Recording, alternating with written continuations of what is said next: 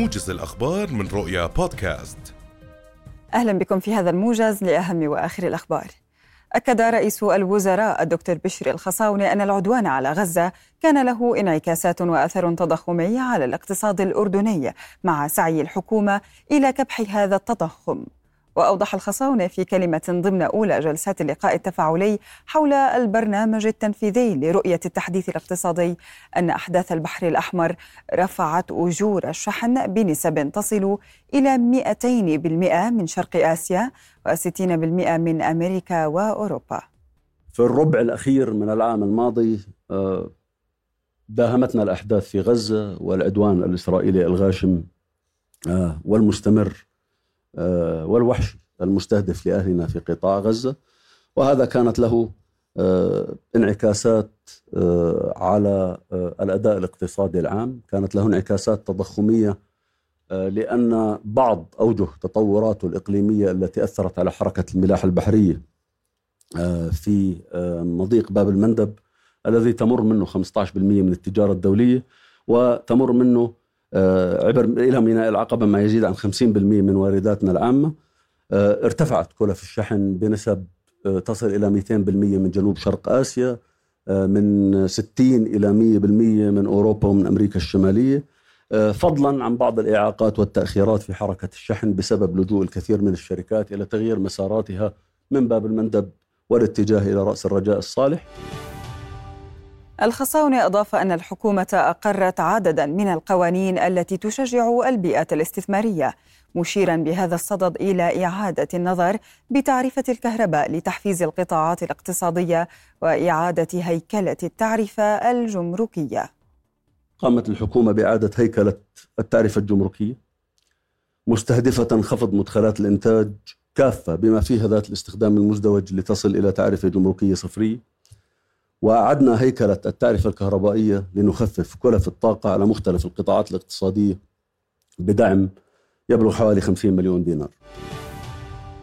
ولمزيد من التفاصيل حول جلسات الأداء الاقتصادي وتحديات المرحلة وأبرز ما تحدث به رئيس الحكومة ينضم إلينا من هناك مراسلنا يوسف أبو رمان.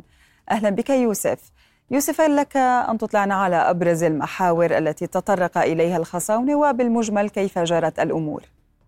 نعم رفاه تستمر جلسات تنفيذ الرؤية التنفيذية لرؤية التحديث الاقتصادي على مدار الساعات السابقة واللاحقة حتى نهاية هذا اليوم حيث يتحدث الوزراء بعدة ملفات حول إدارة هذه الرؤية وحول ما توصلت إليه آه، أبرز ما تحدث عنه الوزراء استحداث عشر ألاف فرصة عمل في العام 2020 23 العام الماضي حيث يأتي هذا ضمن تعهدات الحكومة التي تعهدت فيما سبق بأن تستحدث 100 ألف فرصة عمل سنويا حتى العام 2033 آه، آه، في غضون هذه العشر سنوات كانت تعهدت الحكومة باستحداث مليون فرصة عمل حيث اليوم آه، جرى استحداث عشر آلاف آه، هذه العام حيث المتوقع كان مئة ألف فرصة عمل وبرر ذلك وزير الصناعة والتجارة يوسف الشمالي بأن الطموح كبير لكن المحددات والممكنات محدودة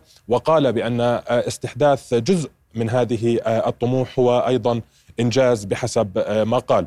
إلى الجانب الآخر كشف نائب رئيس الوزراء عن آخر مستجدات استحداث المدينة الجديدة وهو الشغل الشاغل لجميع الأردنيين وعادة ما تجري التساؤلات حوله حيث قال بأن التصميم التفصيلي للمدينة سوف يتم استلامه في شهر حزيران المقبل حيث من المتوقع أن تقدم الحكومة طرح العطاءات لبناء واستحداث هذه المدينة في مقبل في العام آه، مطلع العام المقبل بحسب ما قال نائب رئيس الوزراء للشؤون الاقتصادية الاقتصادية ناصر أشريدي على صعيد آخر قالت وزيرة الاستثمار آه، خلود السقاف بأن آه، الوزارة وزارة الاستثمار طرحت 36 فرصة استثمارية على آه، أكثر من قطاع موزع على أكثر من قطاع إلى جانب أيضا استحداث فرص استثمارية جديدة وأيضا تنفيذ والتعاقد مع شركة خارجية لتنفيذ حملة ترويجية للاستثمار.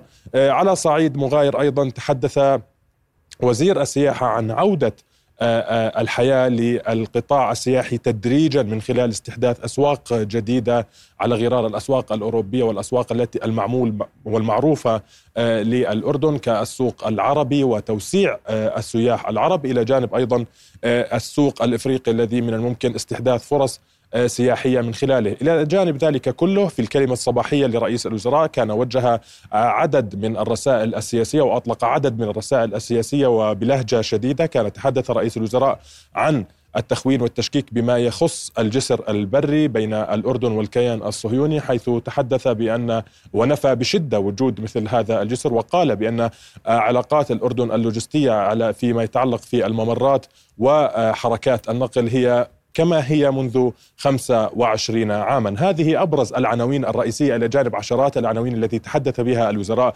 خلال نعم، الجلسات. نعم. هذه أبرز يعني آه، ما يمكن إطلاعكم عليه حتى اللحظة. شكرا جزيلا لك مراسلنا يوسف أبو رمان. لك منا جزيل الشكر. هذا ختام الموجز. في أمان الله.